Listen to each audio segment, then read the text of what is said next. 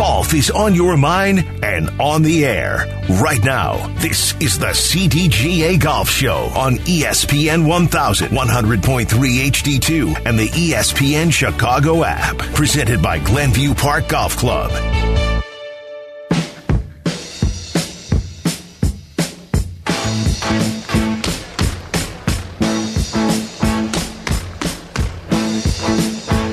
Welcome into the CDGA here on ESPN 1000. Tyler Aki and Mike Gilligan with you until 11 o'clock on this first edition of the CDGA Golf Show for the new season.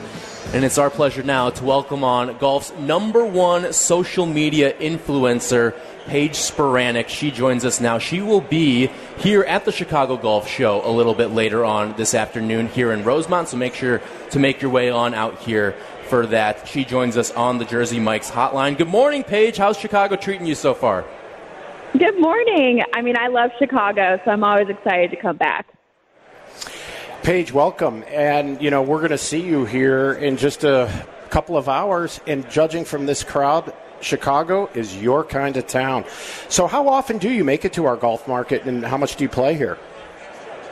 You know, quite a bit. I think I was here uh, five or six times uh, last year. A lot of my partners are here, so I work with X Golf and Swag and Club Champion, and so it's always nice to come here and see them. And then I'll be out at Geneva National as well, which I know is not in Chicago, but I know a lot of um, you guys make it your way there as well. So always kind of around in this area, and uh, I love Wrigley, and it's kind of the first place I, I fell in love with baseball. So again, it's always nice to come back.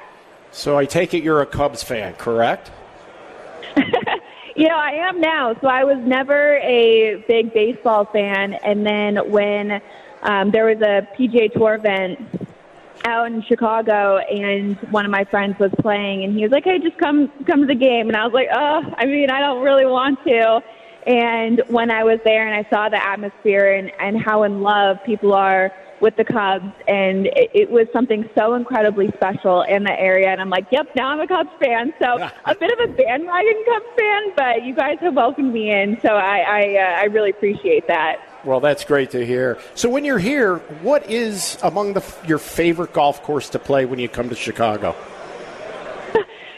Funny thing is, is that I always play on the simulator. So I don't play too many of the golf courses outside. So when I'm here, I'm playing like St. Andrews and X Golf, and I'm playing Kapalua, and I'm playing all these golf courses. So I need to make it out when the weather is actually nice and play courses. But I remember I played at um, a course back in college. Like I had a couple of college events here as well. So um, yeah, I need to I need to do like the true Chicago golf trip. So what what course would be on my my first to go?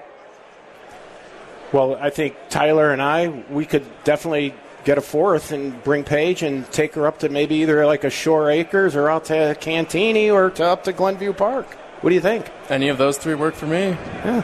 Those are three good ones I'm right in. there. By the way, this segment sponsored by Geneva National. Experience 54 holes of legendary golf at Destination Geneva National. Paige Spiranac joining us right now on the Jersey Mike's hotline here on the CDGA Golf Show. So, Paige, golf's number one social media influencer. At what point did you realize that was going to be your career? You know, it's funny. I just kind of happened to fall into it. So I was trying to play golf professionally, and it is extremely expensive. And so I started uh, my media career to pay for my golf career. And when that definitely didn't work out, I was like, okay, um, I can use this and I can leverage this. But at that time, this was eight years ago now, no one was really doing that in the golf space. And so I really kind of started this this little like movement, especially with you know girls starting golf and you know being golf influencers, which is really really cool to think about. Um, but yeah, it, it there wasn't like a career path, and I had to kind of carve it out myself. But um, I'm so happy that I did, and it's kind of the best of both worlds because I love golf so much, and I I wanted to play golf obviously professionally, and when that didn't work out, I still wanted to stay in the golf industry, and so it, it just worked out so perfectly. Well, Paige, you come from a pedigree of athletes. Uh, your father played for the national champion University of Pittsburgh Panthers, along with Tony Dorsett. Your sister Lexi was on a track scholarship at Stanford. And so a lot of people don't really know how you found golf. You apparently had a couple of knee injuries in gymnastics. Tell us what that was like giving up like a door closes because you had aspirations of going to the Olympics, didn't you? Yeah, you know, and on my my mom's side, she was a professional ballet dancer, and my aunt was a professional tennis player. So we had almost all the sports covered except for golf. And um, I was doing gymnastics at a really high level. I wanted to go to the Olympics, but you with gymnastics you have to be 16 or turning 16 in the year of the Olympics, and so the first year that I would have been eligible would have been when I was 18, and that's a little bit past your prime. you peak when you're like 14, 15, 16, and I just had too many injuries. Ended up fracturing my kneecap twice, and just didn't love it. It's a high intensity sport. It's very scary. Just wasn't fit for me. And so my dad, he was a recreational golfer, and he was like, you know, I think you should, you think you should try this. Think it'll be fun and uh, I fell in love with it right away. And I was being homeschooled because of gymnastics, and so I just kept being homeschooled for golf. And my entire dream was to be a professional athlete. And then when gymnastics didn't quite pan out because of injuries, switching over to golf, I really wanted to play golf professionally. And I don't think a lot of people realize that when they see my social media presence that, you know, I would grind blood, sweat, and tears every single day on the range when I was 13 to try to play professionally and had a good junior golf career. But yeah, it was a pretty quick transition. I fell in love with it immediately and, uh, it, yeah, I, uh, but didn't come from a big golf family. So it's kind of weird how I fell into that as well.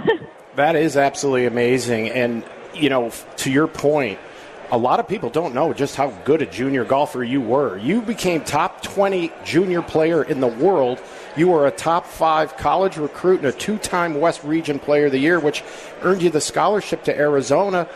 They, you, you know, you transferred over to, you know, San Diego State.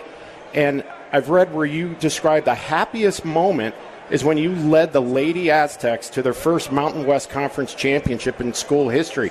Why is that the happiest time of your life?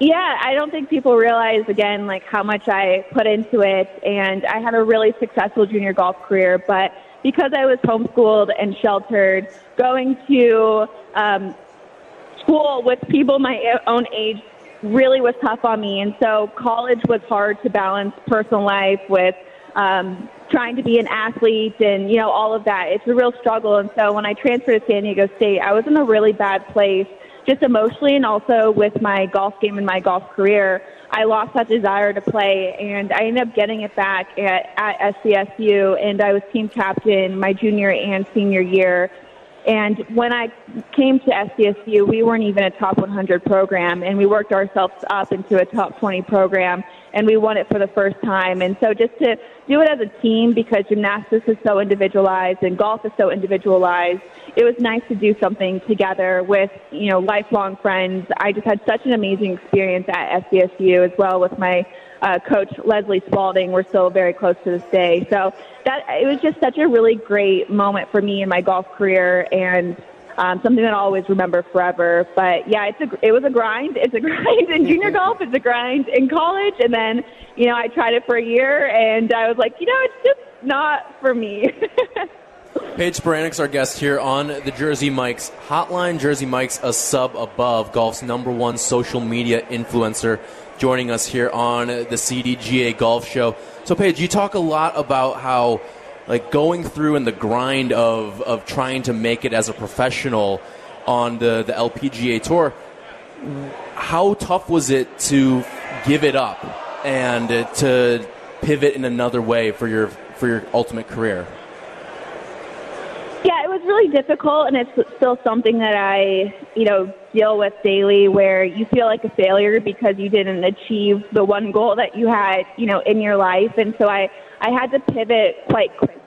And the start of my professional golf career was quite rocky because I had so many eyes on me. And when you're first starting out, you're going to succeed, but you're going to fail a lot more, especially in golf. And I couldn't do that privately. And so anytime I had a bad tournament I would get thousands of comments of people telling me to quit and how bad I was, and it just really ate at me emotionally. And my dad said he knew the moment that I was never going to make it was when I won my first pro tournament.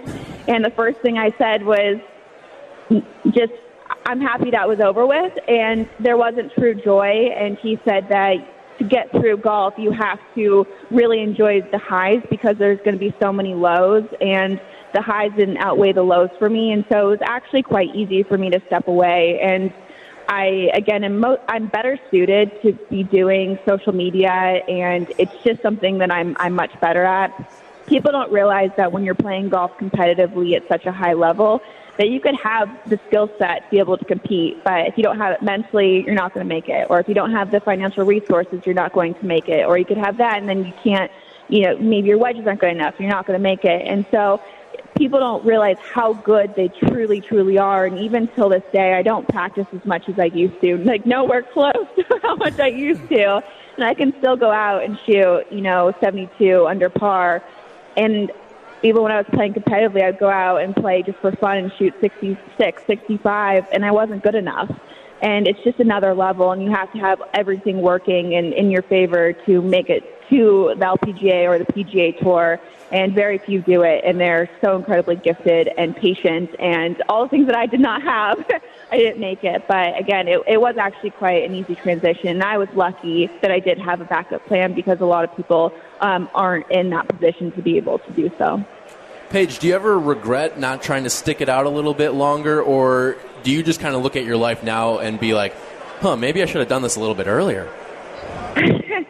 you know, I think everything works out the way it's supposed to because I look back on my career and maybe I wish I didn't play Dubai, but Dubai was a big catalyst in my career. And then I think of different things that have happened and what if I didn't transfer, if I did this. And I'm so lucky to be able to do what I do, and I wouldn't trade it with anyone. I love my job so incredibly much, and I am much better suited for this. I, there are times though where you know I'll lay awake at night and I'm like, I could have made it. I could have made it, and I let people dictate like my happiness and um, I, it was just a lack of maturity. You know, I was 22, 23 when all of this happened, and I wasn't equipped to handle any of it. No one prepared me for it. No one was expecting it, and I just did the best that I could with with the little maturity that I had. Um, so yeah, I, I definitely I, I go back and forth and I think about it, but I'm much happier now, and I, I don't think I would have liked life on tour as much as the life that I live now. So, Paige, given your role in the game today, as well as on social media for that matter, who do you ultimately want to have the biggest influence on? And as you look to the future, what would your legacy look like? Uh, gosh, that's such a hard question. It's it's changed a lot. I think when I first got into this, I I clearly wanted to grow the game. I wanted to do so much good within the game, but you know, I had a lot of backlash because I do things quite differently and it's unconventional. And so um, my career has been altered and it's changed, and my goals have changed. And I think now I want to show that golf is for everyone and it's fun. And you know, I didn't. I grew up on uni golf courses. Like I used to clean the pro shop to pay for golf balls, and you know, I just feel like a bit of a misfit sometimes in the golf community, and uncomfortable at country clubs and uncomfortable in certain situations. And I've noticed through my social media is that there's a lot of people that feel the same way that I do. And so I really try to appeal to them and the people who might be uncomfortable getting into golf, but they really want to, and showing different ways that you can do it that are cost efficient and places that you can go that are fun and that you feel comfortable, and making golf look cool to you know a younger group of people and I think that's really what I want my legacy to be to be a real disruptor in the game and doing something that's different and pushing the boundaries and not doing the same thing that everyone else is doing. And I know that comes with, you know, a lot of hate and I'm not everyone's cup of tea, but I think you just have to keep pushing forward and keep pushing forward to make other people feel uncomfortable, to make people feel comfortable, not uncomfortable, comfortable as well. you know, I make people uncomfortable. Well, obviously, you're making over 11 million people very comfortable. So, I mean, your brand is just amazing. So, it's been fun to watch that thing grow. Um, if we stepped up on the first tee and we said, hey, let's play a $10 Nassau, what would Paige Spiranac's index be today? Oh gosh, I just say I'm a scratch now. Uh, I haven't kept my handicap since, I mean, college, junior golf maybe. Okay. Um, but yeah, I just say I'm scratch, and uh, I'll play from whatever tees people want to play from. But I was thinking about that. I'm like, I probably should get my handicap back again because I get invited to so many member guests and member members, and I'm like, hmm, maybe maybe I could turn this into like a little business or something. So, if you're in a clutch situation and you'd want to hit your favorite club in the bag, what club would that be? And what's your worst club in the bag, if there is one? Ooh. Okay, so it's between two. I would say um, a punch three wood is always like a good go-to swing for me. But my most favorite club in my bag is my 54 degree wedge. I am like lights out around the greens, and my short game has always been the best part of my game. When I was playing professionally, I had the yips off the tee, and so I had to take the driver out of my bag. I could only hit like a baby punch three wood, and then I had to scramble and get up and down from everywhere. Um, but now it is my driver. Like I love hitting my driver. So it's funny how things change. And my least favorite five iron. I hate my five iron. I've never liked it. I I don't know what it is about my five iron, and I just look at it and I, I try to practice it, and it just doesn't work for me. I hate my five iron so much. We are the absolute opposite. I love my five iron, and if you see me pull my three wood out of my bag, run because uh, it's not going to turn out well. Paige, We need to give each other tips or something because I, I need that confidence with my five iron. we'll figure something out. Paige, appreciate you spending some time with us here on the CDGA Golf Show, and we're looking forward to seeing you at the Chicago Golf Show later on today. Yeah, see you guys soon. Thanks for having me on. That's Paige Spiranac, golf's number one social media influencer, joining us on the CDGA Golf Show. We just had, I think we had two. Yeah. We've had two long putts drop It here took over Paige the. Spiranac as a guest to get the crowd motivated. So, Was it in? Did it go? Did it, oh, it was a Oh, little, little kid. kid.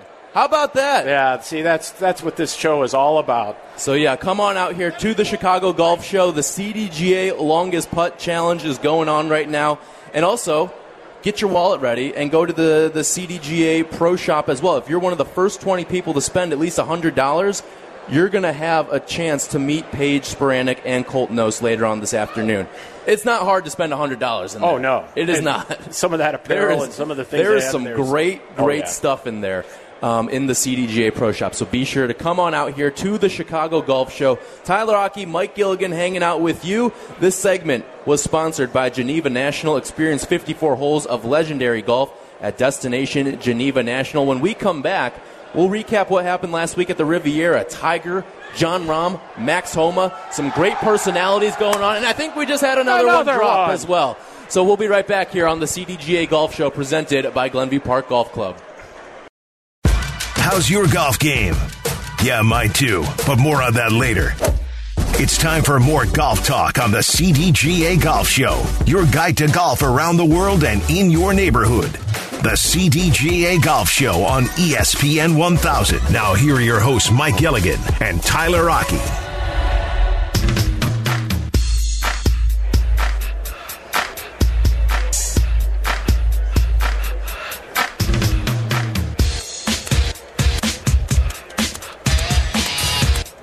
Stuff with Paige Spiranac just now on the CDGA Golf Show. Tyler Aki and Mike Gilligan with you live from the Chicago Golf Show in Rosemont. And we've got another treat for you here on the Jersey Mike's hotline. Jersey Mike's a sub above. Colt Knost joins us here on the CDGA Golf Show.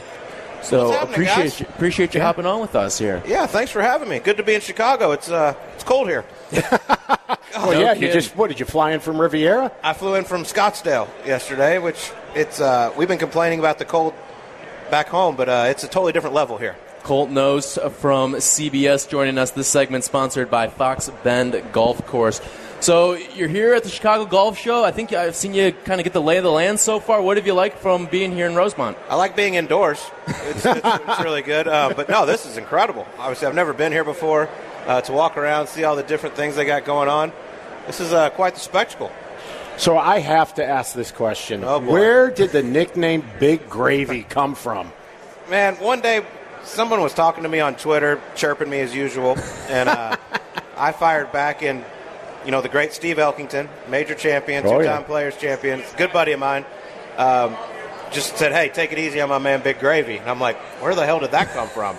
And he's like, "I like it." He goes, "It's what he's a big bourbon guy," and I guess there's, there's a bourbon called Gravy, or I don't know. I don't know. I'm not a bourbon guy, so uh, he he went with it, and it and it stuck. That's amazing. So you bring up, you see that on social media. You're getting chirped as usual, right? Like as a golfer and now as an analyst, like is social media good for the, the sport of golf? As as someone who has lived both sides, both the media side and the player side. I mean, it's good and bad, right? So the bad part is, you know, you, you miss a cut, you go have a few, you start responding to those chirpers, you get you in trouble. Um, nobody likes that. But then there's the good things, like like last week at Riviera when Tiger went over and signed signed the signed a glove for that little girl who had the heart transplant. Yeah. Yep. checked off one of the marks on her bucket Right. list item. I was right there, and I took a picture of it, put it on there, and everything went nuts. People from Augusta reached out. Um, a lot of other people reached out about helping her, you know, click that third box Yeah. of playing Augusta National, or at least going to Augusta National. And um, we just had him, her father, on our radio show, and for, as far as I know, they're going Friday and Saturday to the Masters this year because of all this That's that has happened on social media. Um, so it's really cool. I know with CBS, um, we've invited her in to come into Butler Cabin.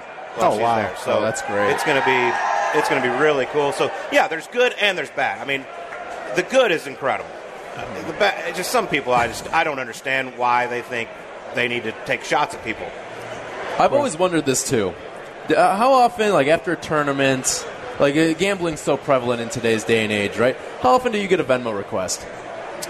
Uh, Not very much. Uh huh. But you you've gotten it before? Oh yeah. Uh-huh. Um, you, you ruined my DFS and all this. I'm like, "Oh, I, yeah. Trust me, it cost me way more than it cost you, buddy. But yeah, occasionally, you know, one thing I was just joking around one day uh, at Phoenix Open a couple weeks ago, and I was like, I was like, man, you know, beers are expensive here. I need to be walking around having a few. Uh, my Venmo's at Colt Knost, and all of a sudden, I got literally like thirty people sent me ten dollars. And I'm like, well, this is kind of a good idea. I'm going to start doing this every week. But uh, I went around and bought beers for other people. But it's a, it's a crazy world we're living in right now. Oh, yes, it certainly is. Cole, I want to take you back to 2007. And for a lot of people, they don't understand. You may have had one of the greatest summers in amateur golf. You're one of three people. You joined Jay Sigel and Bobby Jones for winning the United States Public Links Championship at Cantigny, right here in Wheaton, Illinois. Then you went out west in August and went to the Olympic Club and beat a lot of great players to win the U.S. Amateur. And then you led the United States with a 2 0 and 2 record to a one point victory in the Walker Cup matches. And tell me, how did the win at Cantigny help you with the momentum? Yeah, so I, I was playing really well that whole year, going all the way back to college. I won my first three starts of the season. Uh, en- ended up Monday qualifying for the Byron Nelson, made the cut as an AM, and then kind of that just kind of just steamrolled me into the summer. And I got to decided to qualify for the public links. Uh, never made match play in a USGA event. Got up here, loved the golf course, went into match play, and honestly just cruised. Played some unbelievable. Probably the best golf I played all summer was the week at Cantigny. I mean, I never had a. I don't think I ever sniffed getting threatened by anybody. Um, it was nice. I, I- cruised through the finals, and the biggest thing for that was not only did it get me in the Masters, which I later turned down, but my biggest thing was it exempted me into the U.S. Amateur, which is all of our goals. Because before they never had that top 50 world amateur rankings that exempted you into the U.S. Amateur. So it was a pub links that got you Yeah, into so the my win got me in. So I didn't have to go through that brutal 36 hole qualifying day. Um, even though I was one of the top 50 AMs in the world, they didn't exempt you back then. So you could be the best player in the world, but you go out and have a bad day, you're not in the U.S. Amateur, which is the biggest event of the year. Um, so yeah, that was huge for me just to. And then that also got me on the radar with Buddy Marucci for the Walker Cup. Okay. You know, winning a USG event. And then I went. I'll never forget. We were at an event in the summer, and Ernie Kuehne, Trip Kuehne's dad, Mm-hmm. came up to me. He's like, "You're going to win the U.S. Amateur this year." And I'm like, I've never even made match play at the U.S. Amateur. Why, why do you think that? And he's like, I'm telling you, Olympic Club is perfect for you. He goes, you're the best iron player in the world right now in the amateur game. He goes, it sets up perfect. You're going to win. So I got there and I saw the golf course, and I'm like, okay, I, I really like this place, and it just It just fit your it eye. just fit. I played really well in stroke play on the course. The match play was on the Lakes course. Struggled a little bit on the other one, but then got into match play, and I just felt like I was the best player there. Well, and obviously you were. ended up being that ended up being that way. So, have you been back to Cantigny since the win? I have not. You have not. No. Wow. So, do you play a lot? Have you played a lot of golf in Chicago?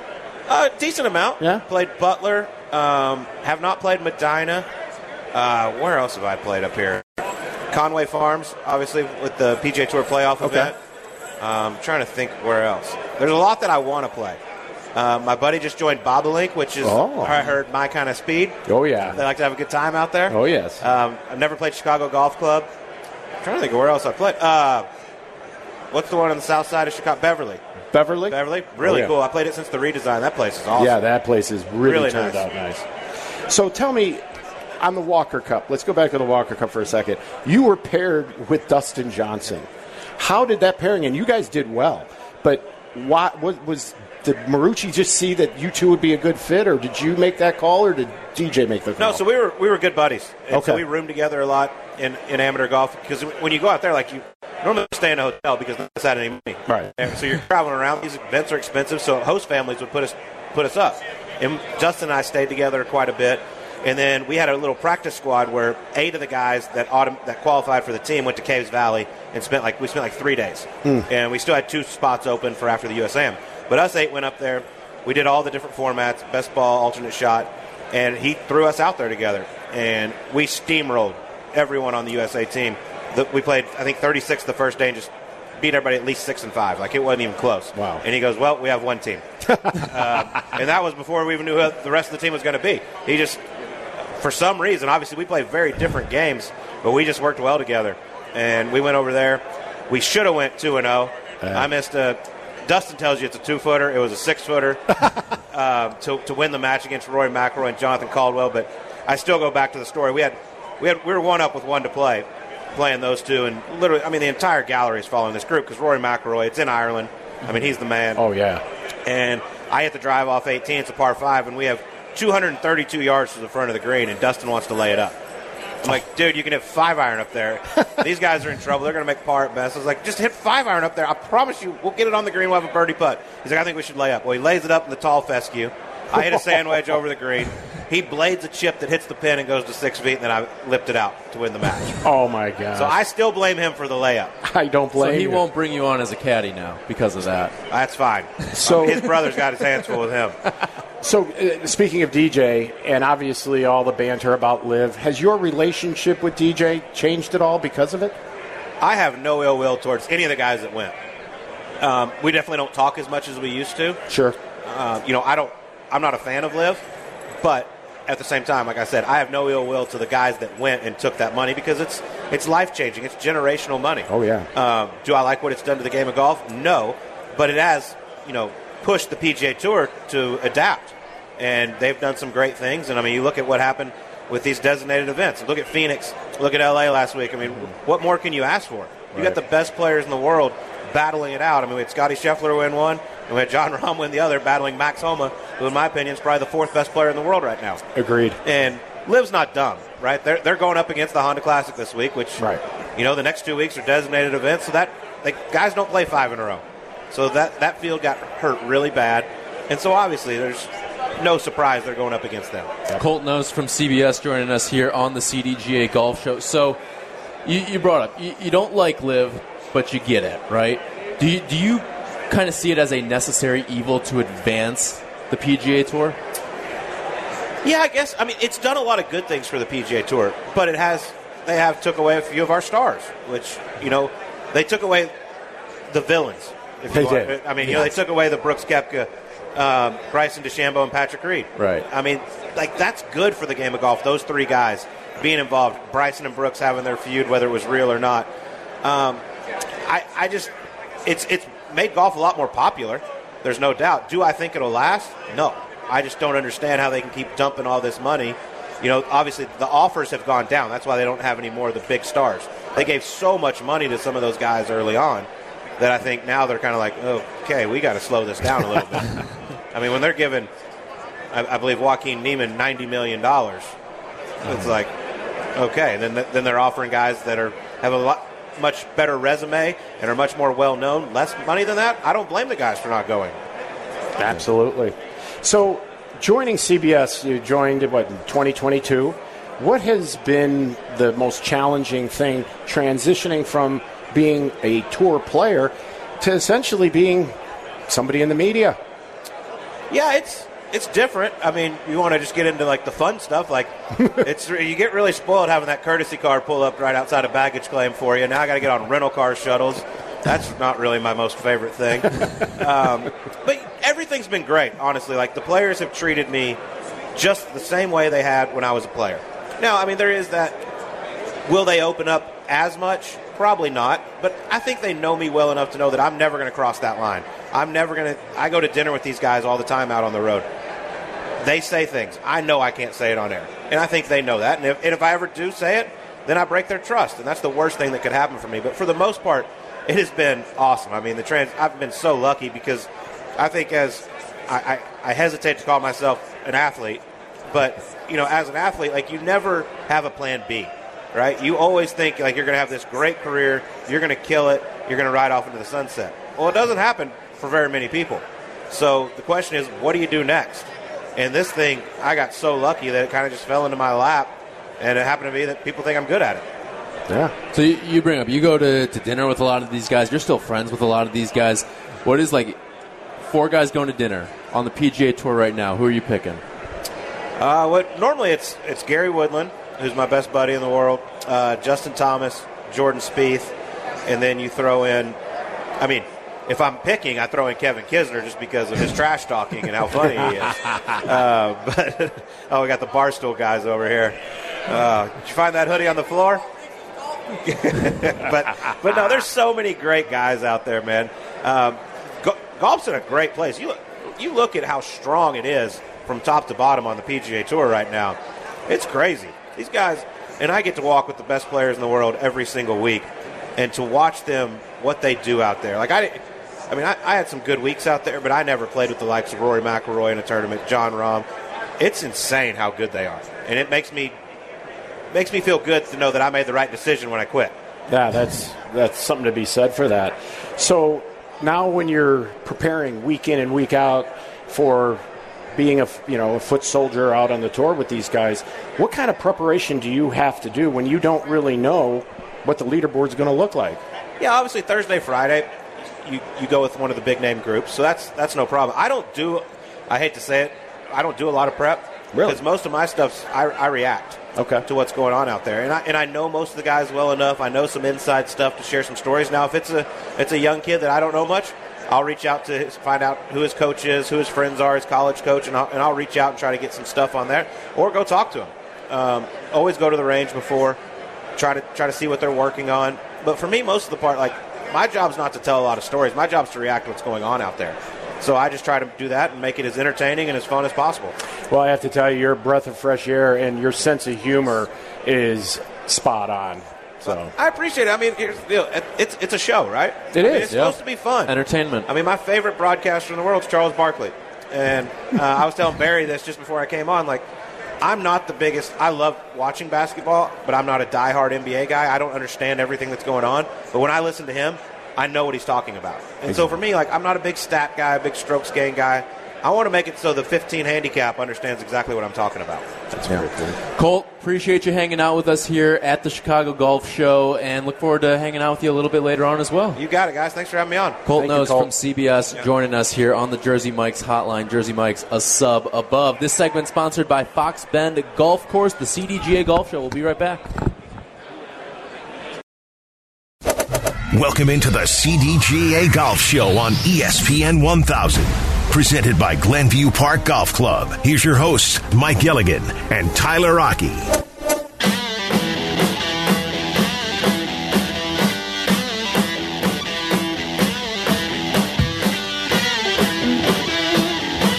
At the Chicago Golf Show here for the CDGA Golf Show. Tyler Aki and Mike Gilligan having a blast out here. And we just had Colt Knost on. We had Paige Spiranac on earlier as well. If you miss any of it, be sure to check out the podcast of the CDGA Golf Show on the ESPN Chicago app or wherever you get your podcast. This segment brought to you by Golf Elgin, home of Bowes Creek Country Club and the Highlands of Elgin.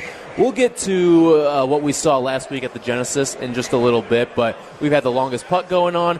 We heard a great story from Greg Moore, our, our fantastic sales guy here at ESPN 1000, telling us a seven year old went up there on this 100 foot putt, knocks it down. Then dad says, All right, all right, uh, let's put your ego in check here a little bit. He steps up right after. He knocks it down. It's like the, the father and the son they're playing one on one in the driveway all the time, right? And dad's not let, ready to, to let his dominance go away quite yet. He steps up and hits the, the 100 foot putt right after him. And I think the, the young youngster will be first to point out it took dad his third ball to do it. but let me tell you, that is going to be a memory that that young man will walk away with, and he will tell that story 30 years from now when he's back here as a full fledged adult he will always talk about that moment that he spent with his father, and that's exactly what the game of golf does. It brings people together. And maybe his son will show him up one day. We're here live at the Chicago Golf Show. Come on out. We're here for a couple more minutes, and when we come back, we'll get you what we saw from Riviera last week. This segment brought to you by Golf Elgin, home of Bowes Creek Country Club and the Highlands of Elgin. The CDGA Golf Show will be right back.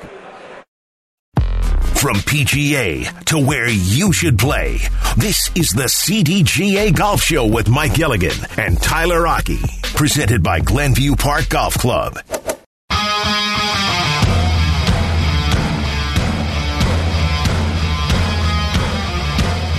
Thanks for listening and hanging out with us here at the Chicago Golf Show. This is the CDGA Golf Show. Tyler Aki, Mike Gilligan. We'll be back with you next week we're going to start at our usual time, though, 8 to 10 a.m. right here on ESPN 1000 every Saturday morning with you here during the golf season. Looking forward to spending it with you, getting you closer and closer to golf, the, the real golf season kicking off. This is the unofficial start here at the the Chicago Golf Show, but we've had a ton of fun with you here today.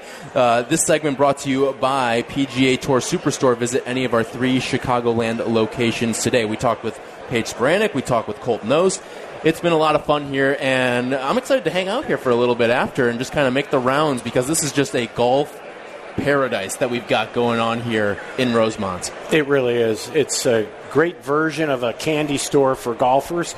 And let me tell you, if this is any indicator on what we can expect for the season of 2023, I think golf is in a great, great place. Absolutely. And by the way, if you are one of the first 20 people in the CDGA Pro Shop to spend at least $100, you'll get a meet and greet with Paige Spiranac and Colt Knost later on this afternoon here at the Chicago Golf Show in Rosemont. So looking forward to everything going on later on today. So let's rewind a little bit back to the Genesis from a week ago. Jon Rahm wins it with a score of 17 under. You know, Max Homa gave him a run there at the end. Oh, that would have been fantastic theater. He lips out on that chip shot on 18. Oh, so close to being one of the great shots that we've seen this season so far.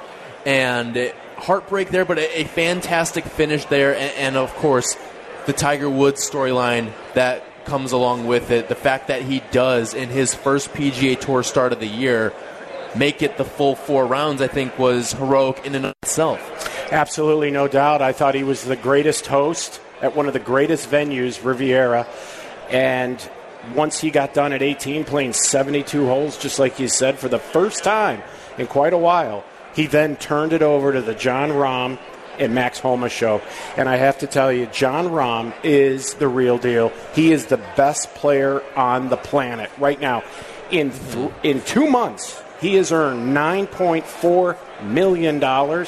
He is the quickest to three wins since Johnny Miller in 1975. And unfortunately, I'm old enough to remember it, and you're not. So, the one thing you bring up, Rahm, he has been fantastic this year. And uh, I mean, he, he'll be one of the, the big favorites every single major that we get to on the calendar. But Max Homa, I think this was a this is an important sort of segment of his career that he's in the middle of right now. You heard Colt say a little bit ago with us, he thinks he's the fourth best golfer in the world right now. He is showing that he's more than just an internet guy, right? And I think that was an important part of his legacy to show that he's more than just this guy on Twitter, this guy who goes on on different shows and has all this personality. It's time to show that you are the real deal as a golfer and he has certainly shown that and then some so far this year. Oh, entertaining as all get out. And I'll tell you, Max Homa was within an eyelash of a win, not only on the chip at 18, mm-hmm. but I want to rewind you back to Friday afternoon when Jon Rahm hit, uh, I believe it was a seven wood into 17. He airmailed everything, yes. hits the bleacher, yep. mind you. Oh, yeah. Okay. Mm-hmm. Hits it and goes up about six feet. He makes eagle, right? At best, he makes par Right. And maybe even bogey if there's no grandstand. I mean, because that was such a short side. So that shot prevented, in my opinion, Max Homa from winning, not the chip shot he lipped out. Right. I would have loved to see a playoff between those two oh, as well. I think I, everybody in the world was uh, because they were playing such great golf between the two of them. So, what do you see as Homa's outlook once we do get into the major season, the Masters, U.S. Open, PGA, and then of course the Open Championship. What do you view as his outlook? Like, do you see him as a guy that can be in that top five, or does he just not have that big time experience in the majors quite yet? Where he may struggle, he gets to Sunday, and all of a sudden those hands become a little shakier. Well, you know, I was also captivated by Max Homa's just emotion at the end. He broke down twice because that golf course, that market is where he grew up. Yes. I think Max Homa's going to win an Open, and I think it could be the U.S. Open at L.A. Country Club. And, and I think that would be a fitting end for that young man.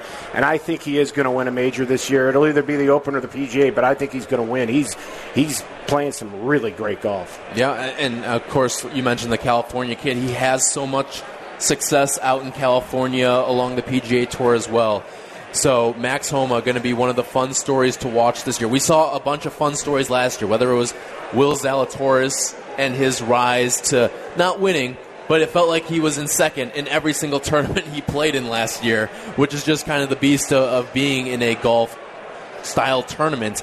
And then you also had guys like Matthew Fitzpatrick going back, winning at the Country Club in Brookline last year for the U.S. Open. I mean, there were so many fun, young, up and coming guys and Homa's right there in that pack right now of, of all these guys. And not to mention the fact that you still have a younger guard that has won major championships as well, like Collin Morikawa, who is still right in the thick of things every single tournament that he's in as well. Yeah, and you know something, we didn't even mention Justin Thomas or Jordan Spieth right. in any of these, right? right? Exactly. And that goes back to my point earlier. We are speaking about Will Zalatoris and Max Homa like they're regular stars now. Mm-hmm. A year and a half ago, we were like, who? Right. And I mean, and that's how quickly the landscape in professional golf is about to change, and it is so going to be so fun to watch this year. It was funny because a year ago when we were having these conversations, we'd see a name like Will Zalatoris atop a leaderboard, and we'd be like, "This is a problem for golf." Yeah. And now it's a good thing because he's established himself. He's a fun personality as well. So it, should be a lot of fun to watch over the course of this season. Thank you so much to everyone who came out and saw us here at the Chicago Golf Show. Thank you to Charlie Bevins for producing back at the shop. Thank you to Shane Norling. Thank you to Jake Cantu. And thank you to Greg Morin as well for showing up here. And thank you to our presenting sponsor, Glenview Park Golf Club. Saw Ron Cassidy here today. Lots of fun here at the Chicago Golf Show. This segment was sponsored by PGA Tour Superstore. Reminder, we will be back next week, 8 a.m. right here on ESPN 1000, 8 to 10 a.m. every week during the golf season. Thanks so much for listening, and we will talk to you guys next week.